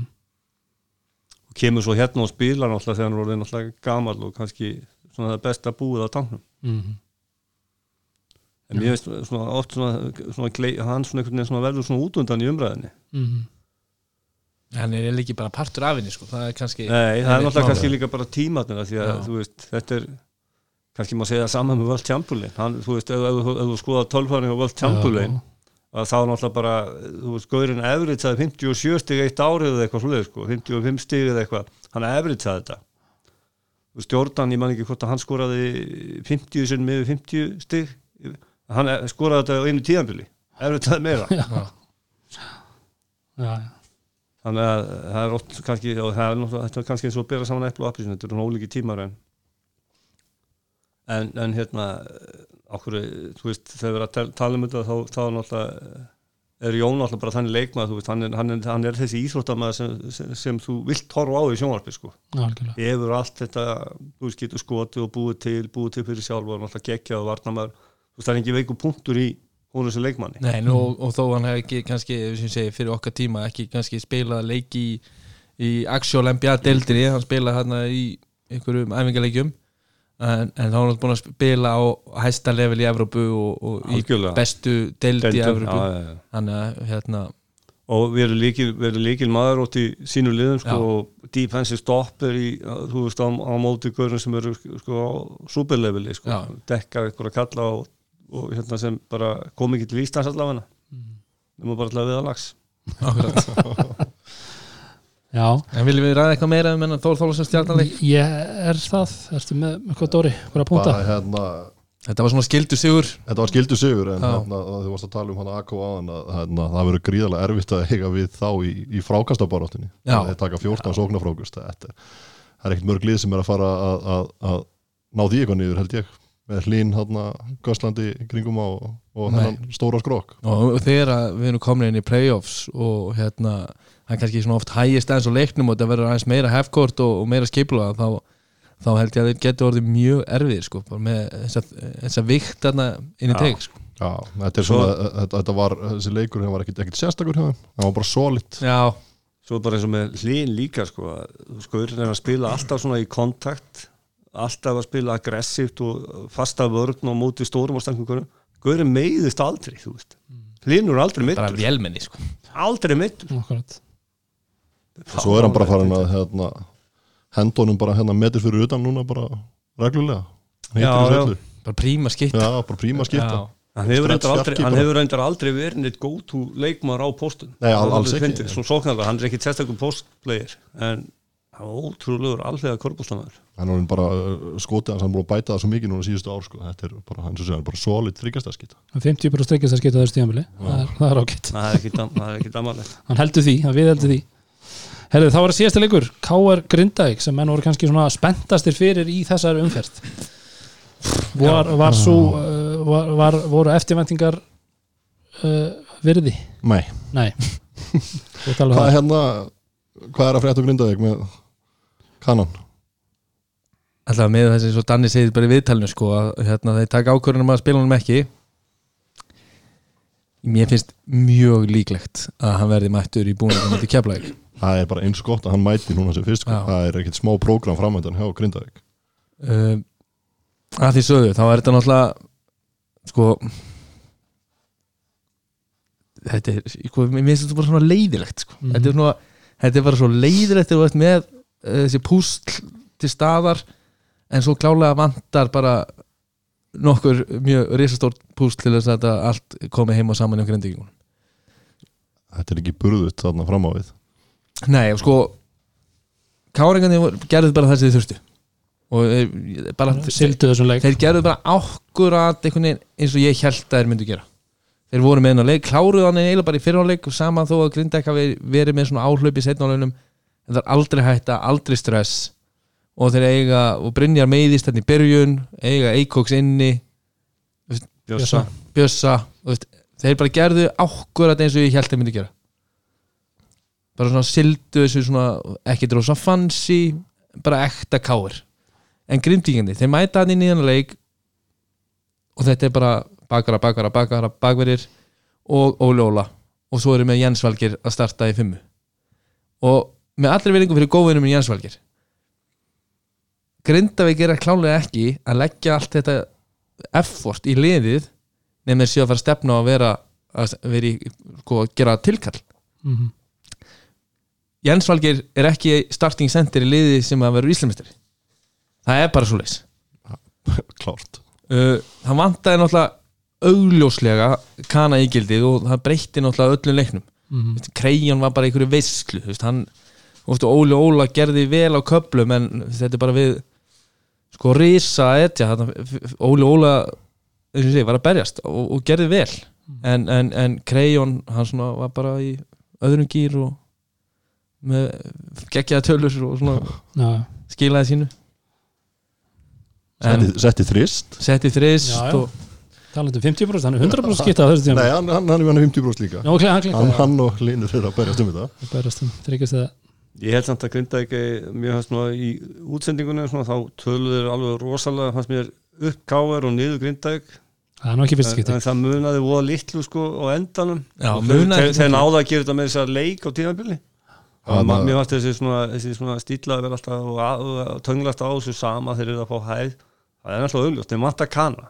Hann situr þarna á bekkum í hettupeysu í símanum. Já, það þarf ekki að vera að rökraða þetta og diskutera þetta eitthvað í hörgul. En ég er alveg á því og þetta er svona, ég hlusta á viðtal við Óla Óla hann eftir leik og Óli Óla er eitthvað að minnast á það veist, ég veit ekki hvort hann sé að tala um okkur eða ykkur, ykkur aðra sem er að segja að Grindag þurfi bossmann og það- það hann segja að við þurfum ekkert, við erum alveg nógu góður ég er ósamála út af ég held að Grindag ef þeir ætla að gera alveg tilkall þá verður þeir bara að fá bossmann. Þú veist, ef hann er að tala um að vera nógu góður til þess að vera í sjötta seti, komast í úslutkemni, já, uh, pottet Pottur, já. pottet, Eh, bara kaninn og þessi strákar sem að eru þarna nú þegar þeir eru nógu góð til að virðslu kemni en þeir eru ekki nógu góð til þess að vinna titilin það er solid biti laus núna.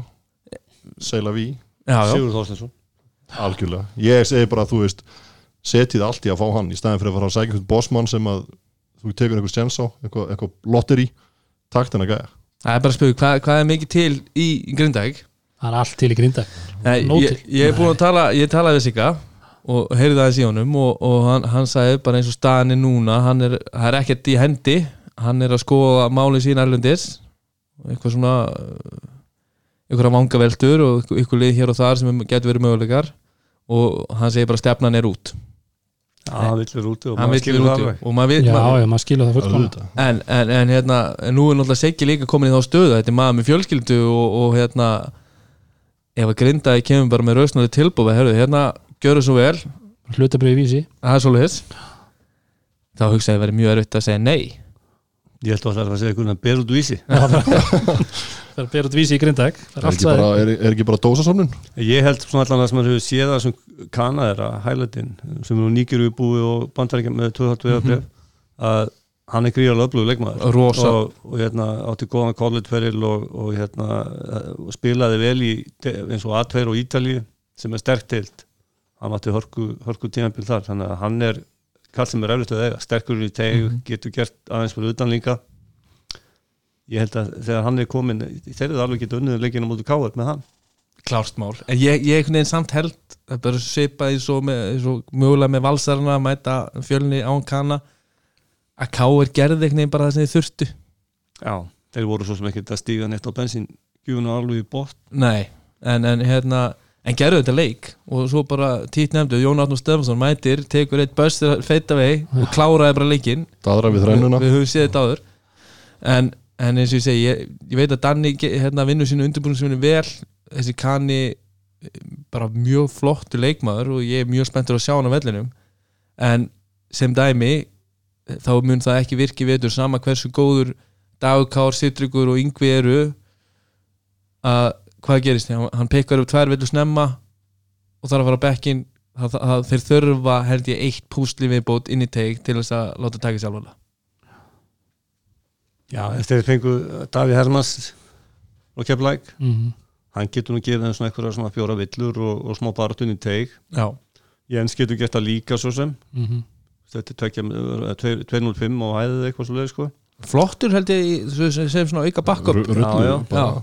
Og það er bara spurning sko hvort að ná að fá þá alla til að spila eða þú sko, koma þeim inn á og hvernig hann fær fær alla þessar bakkar til að gera sama því að þú ert með rosa mikið af, af svona gaurum sem eru eins þurfa mikið að fá boltan bæ- bæði dagur, þurfa mikið að vera með boltan bæði dagur og sýtryggur og svo ertu með, með hérna, fleiri skýttur þarna líka sem eru, eru kallað sem vilja líka fá að skoppa honum aðeins. Mm að það er spurning hver, hver, hva, hvernig hann er að, að hérna, hlutverka væða liðið Yngvi var geggjaður mjög góður. og hérna og svo voru dagur og, og, og sittryggur svona upp og niður. Það er alltaf rispur en Já. Seytryggur verður svolítið viltur svona, svona heimaðasta bræður á hann stundum. Já, og líka á vittlisum tíma ekki það að það sé einhvern tíma góð tími eða slæmi tími fyrir eitthvað svona, en allavega fannst manni svona sérstaklega þegar hann tekur þristin hann að tvo metra með krejón í andlutinu og svo tekur, náði frákastinu og hann púla beint upp. Já. Í staðan fyrir aðeins, þarna var þarna var pankars eðlið að segja, heyrðu, nú, nú tökum við einu góða körfu. Svo hefur maður grjótaldi kjásli sko, en Já, já, sko. þetta er það þetta lítur alltaf rosalega vel út sko ef þetta hefnast en á sama skafi lítur þetta ill út og ef þegar þú ert svona lið sem að treystir svolítið mikið á þetta svona viltu einstaklings eh, framtök þryggjastaskot sko að þá þá eru allir glaðir og það er ótrúlega gaman þegar þeir hitt á daginn sín sko en að sama skapi er, er held ég mikill pyrringu þegar ekkert gengur og þessi er að taka þetta skot og hinn tekur hitt skoti og það verður að vera eitthvað svona valdabarátt inn á vellinu sko. það er svona stórt hlutverk hjá Danna að- hérna, að struktúra þá og, og, og, og reyna að hérna, hjálpa þeim að, veist, fara að finna góðu skotin sko. ekki Já. út af þeir eru það hæfileikaríkir að hérna, það er erfitt að eiga við þá. Og ef að þeir svona eitthvað leið til þess að komplementa hvern annan og spila saman og búa til skot fyrir hvern annan sko. Þú sagði til dæmis Jakob aldrei taka svona skot ekki eins og æfingu og káir og er hann sennilega betri skýttið er allir sko? Hvernig, hvernig hérna með kálið, hvernig var sigur Matti? Komin í Matt, Matti var að ströggla Já, það var svo svolítið og var, var svona var í svona bara maður sá það á vítalinu hann var stressaður. Já. Fyrsti leikur á- í Já. aftur og en ég hef nú enga trúður en hann, hann á eftir að gírinn, sko. vera alveg pottið sko. hann er kannski og það reynir mikið hann í, í vetur held ég vegna þess að það er engin af þessum görun við veitum það Jón og, og hérna Koppi og, og, og, og hérna Helgi þetta er allt tóttum menn sem er rótnið þræl fullóðnir hvað var að- þegar kemur á korfbólta þeir eru ekkert að fara að sprengja inn í miðun og búa til skotin Matti þarf að búa til skot fyrir þá Akkurat. Brynjar er ekki, ekki hérna að fara að búa sér til skot heldur sko. Nei. ég held að geti bara strögglað svolítið hann mætti í vetur þegar menn er að setja kannski stærri bakverð á hann og pressa hann vel sko. Ég held að ykkur er að sakna hérna, Pavel Ermolinski í þessu liði. Já. með mann sem gæti alltaf séð yfir vörnina og fundið sendinguna sko. Þannig að ég matti frábær leikmaður en ég, hérna, ég ég veit ekki alveg með hann sem að að stjórna þessu liði svona heila vetur. Klársmál, það er öðruvísi að vera stóra púsliði í liðinu heldur en að vera almaðurinn í sko. það er- það meiri pressa. þannig að það verður gaman að sjá svona hvernig hann þráskast einhvern veginn inn í þetta hlutverk. En þeir hafa þá bjössa, hann er ekki eins og það síðan með hendin og einhverjum hérna, sveitahundi sem er búið að taka róuna, Nei. topp leikmaður. Já, og síndi það bara í fyrra þegar hann, í, hann var búin að eiga svona frekar slagtíðanbíl og var ekki að fá mikið spilatíma hjá ynga framan að vetri kom svo inn í ústakefna og var bara eitt besti kallinn í, Mm í play-offs. Þegar hann loksins fekk sensin maður Já. heldur betur tók hann á. Já, gerði það. Já, klártmál, þetta var, þetta var hann, hann, ég var að segja, hann olli vonbriðum þessi, þessi stór leikur umferðarinnar, eða hvað? Er það eins og ekki? segi, maður Já, maður misti það eiginlega fyrirfram. Mjög lögum að sá að Ganin spila Já, ekki. Það er sko svo að fara í kaplaup og það vantar að hérna, fara í, fara í, eiginlega svona, já, fara í hérna, bólhlaup og það vantar einn í liði og þetta segi, taka einhvern úr stúkunni. Það vantar fjóraða til að taka Já. keflin hérna, segi, næstu þrýr leikir hjá Grindavík eru Keflavík, Haukar og Njarvík þannig að það er heldur betur, það þurfa all, allir að hoppa um borð og taka þátt í þessu. Já. það nást, nást í stig. Já, það verður gaman að sjá keflaði grindæk það er hörkuleikur. Deildin er bara það sterk að hérna alveg upp í kannski, þú veist, nýju lið Já.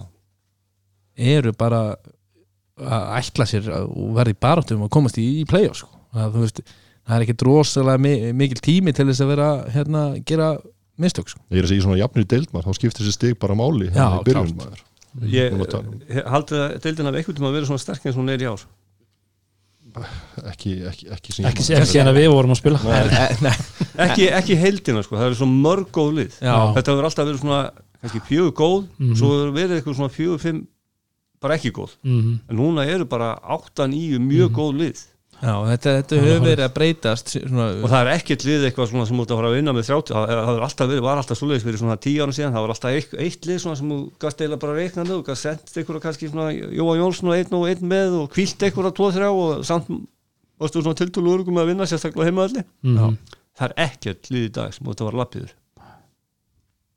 saman því Herðu, það er um, næsta umferð grindaði keflæk eins og vorum að segja.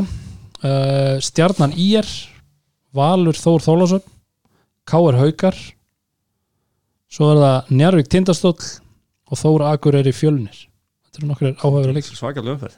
Já, mikið af hérna, stórum leikjum. Sko, bæði kannski stórum leikjum á toppu og, og botni sko. hverju skil, já nákvæmlega og og, veist, Valur Þór Þorláksson gæti enda bara sem hjútsleikur. Mm Bara fjárastega leikur hérna á milli liða sem mögulega verða á söpum stað að berast hérna um loka setin í úsleikjafni -hmm.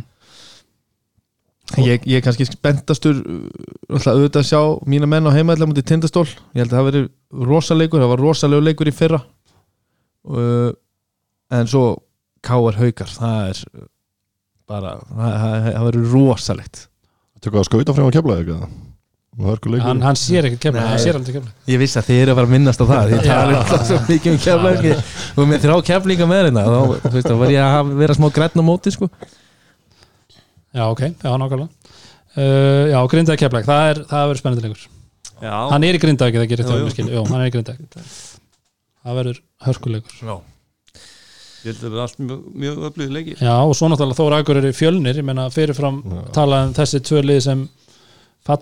Já. í fallsætum margir hafa gert það tvölið sem komu upp Já, já, akkurat Þannig að þetta er bara líkileikur fyrir fjölni að fá Viktor Moses inn vonandi En þetta er, þetta er þú veist, ef ég hugsa að þegar þegar Falur eru að horfa á dagatalið þá er þetta hérna örugu tvö stegin sem hann ætla sér að taka sko. mm.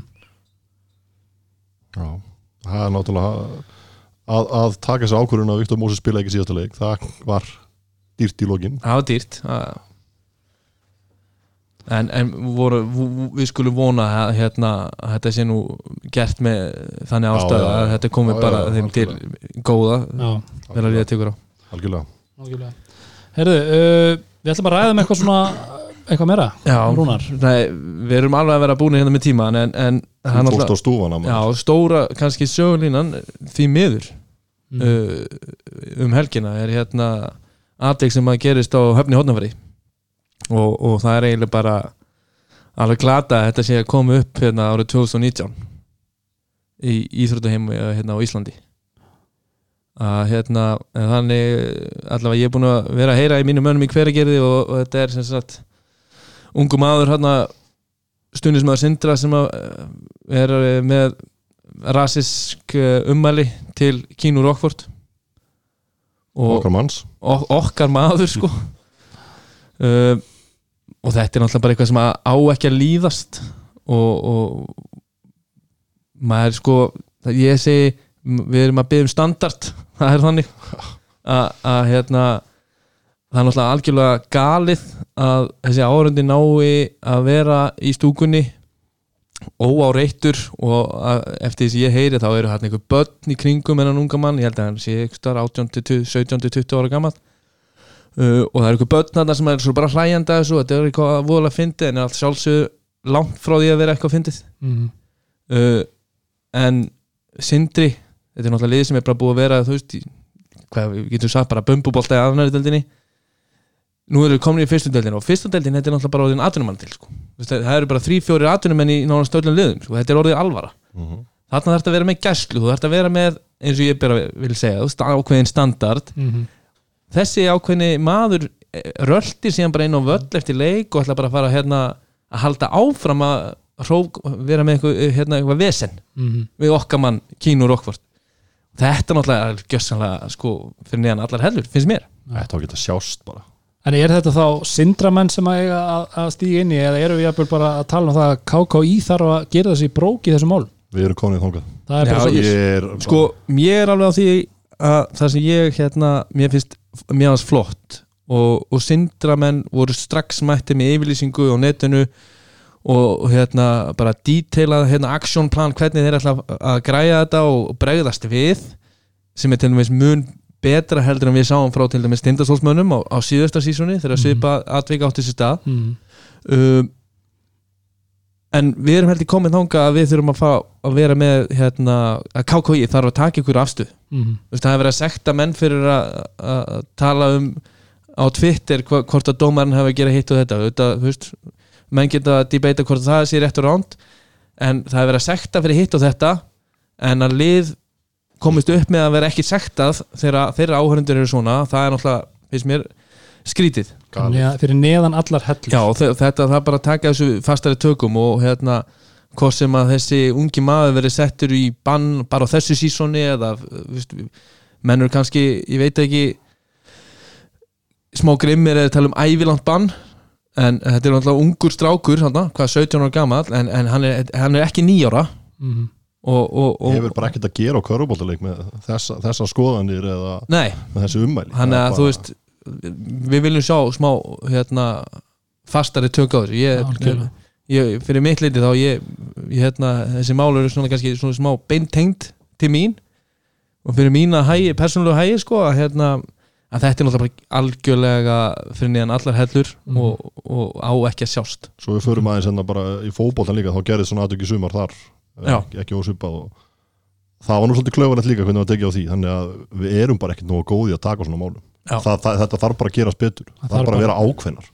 Miklu ákvæmnar, miklu ákvæmnar og það er að gera strax, það er ekki að, að við vitum alveg að þetta, þetta, þetta hjekk í loftinu í fyrra þetta mál hann á sögurkröki til umræðu hjá öllum milli allra og það voru allir með ekki kannski skoðanir en fólk, jú, kannski skoðanir hvernig hefði mátt betur gera. Mm -hmm. og nú er bara tíminn til þess að, akta, bara gerið þetta rétt. Nú ertu komið með annað annað nú þarf að stoppa þetta af. Þetta getur ekki gengið svona. Menn eru ennþá að velta þú vöngum getur yfir ekki því. farið vellingatökum um þetta það er sko. ekki hægt. Það er ekki hægt. Það, það, það, þá, þá breytir það einhver og þarf bara uh, það er engin fordæmi til staðar kannski núna.